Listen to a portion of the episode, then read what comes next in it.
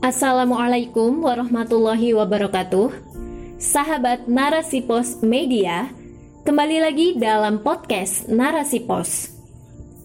Dalam episode kali ini, saya Fani Ratu akan menemani Anda dalam rubrik opini. Taliban dan arah perubahan oleh Maman El Hakim. Sudah menjadi topik utama berita dunia Taliban akhirnya mengambil alih kekuasaan di Afghanistan. Presiden resminya Ashraf Ghani kabur dari singgasananya di Kabul, Afghanistan. Terjadi ketakutan masyarakat saat Taliban kembali menguasai pemerintahan setelah 20 tahun lamanya hidup dalam rezim boneka buatan Amerika pasca tragedi WTC, Afghanistan menjadi sasaran serangan Amerika dengan isu Al-Qaeda pimpinan Osama bin Laden. Dalih perang melawan terorisme atau war on terrorism menjadi alasan pembenaran tindakan brutal Amerika dan sekutunya menghabisi para pejuang mujahidin yang ada di Afghanistan. Afghanistan adalah negeri kaum muslim yang terjajah selain masih banyaknya pertikaian antar suku seperti Tajik dan Pashtun. Pashtun, suku mayoritas di Afghanistan yang mendapat dukungan Pakistan dari segi moral dan material tidak lain merupakan pion Amerika. Taliban dibentuk untuk menggantikan kekuasaan Gulbuddin Hekmatyar karena kelemahannya dalam perseteruannya dengan kekuatan bersenjata pimpinan Ahmad Shah Mas'ud dari suku Tajik pada tahun 1994. Taliban berasal dari bahasa Pashto artinya murid. Kelompok milisi ini telah berhasil meraih tampuk kekuasaan, namun karena adanya pergeseran arah politik yang tidak dikehendaki tuannya dengan isu imaroh Islamiyahnya, dan perlindungan terhadap Osama bin Laden menjadi alasan Amerika untuk menghabisinya. Namun, inilah perjalanan politik yang tidak lepas dari intrik dan kelicikan. Setelah 20 tahun Amerika melancarkan misi politik kerasnya, ternyata tidak membuahkan hasil, malah mengalami kerugian dengan banyak korban. Setidaknya 2.400 prajurit Amerika Serikat tewas. Amerika akhirnya menekan kesepakatan dengan Taliban di Doha, Qatar untuk mengakhiri perang yang melelahkan tersebut. Militer Amerika Serikat dipaksa untuk hengkang kaki dari Afghanistan. Namun, jika masyarakat cerdas membaca politik Amerika, tentu semua adalah siasat Amerika memenangkan pengaruh hegemoninya di tengah serangan ekonomi Cina. Amerika mengalihkan strategi perangnya menjadi negosiasi kepentingan ekonomi dan politik ideologis jangka panjang.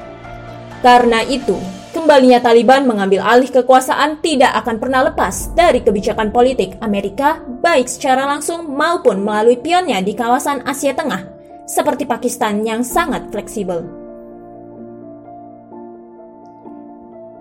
Angin perubahan politik di Afghanistan masih harus diperjuangkan rakyatnya, terutama mereka yang benar-benar ikhlas ingin menerapkan aturan Islam secara kafah Calon kuat presiden yang akan didaulat Taliban adalah Mullah Abdul Ghani Barodar, tahanan Amerika Serikat yang disimpan di Pakistan sejak tahun 2010 dan dibebaskan tahun 2018 sebagai bagian dari negosiasi antara Taliban dan Amerika Serikat. Melihat peta arah politik Taliban, maka isu mendasar bukanlah perubahan sistem pemerintahan dari rezim sebelumnya, melainkan sekedar rekonstruksi pemerintahan yang masih tetap dalam kendali Amerika dan sekutunya, juga pion politiknya yang akan terus membungkam para pejuang mujahidin atau masyarakat yang menghendaki perubahan sistem. Amerika akan memanfaatkan kepemimpinan Taliban dengan misi utamanya memenangkan persaingan ekonominya dengan Cina dan mengukuhkan ideologi kapitalismenya di negeri-negeri kaum muslim. Ada catatan yang dilansir media bahwa Taliban ketika memegang kekuasaan pada 1996 hingga 2001 menetapkan sistem yang ultra konservatif.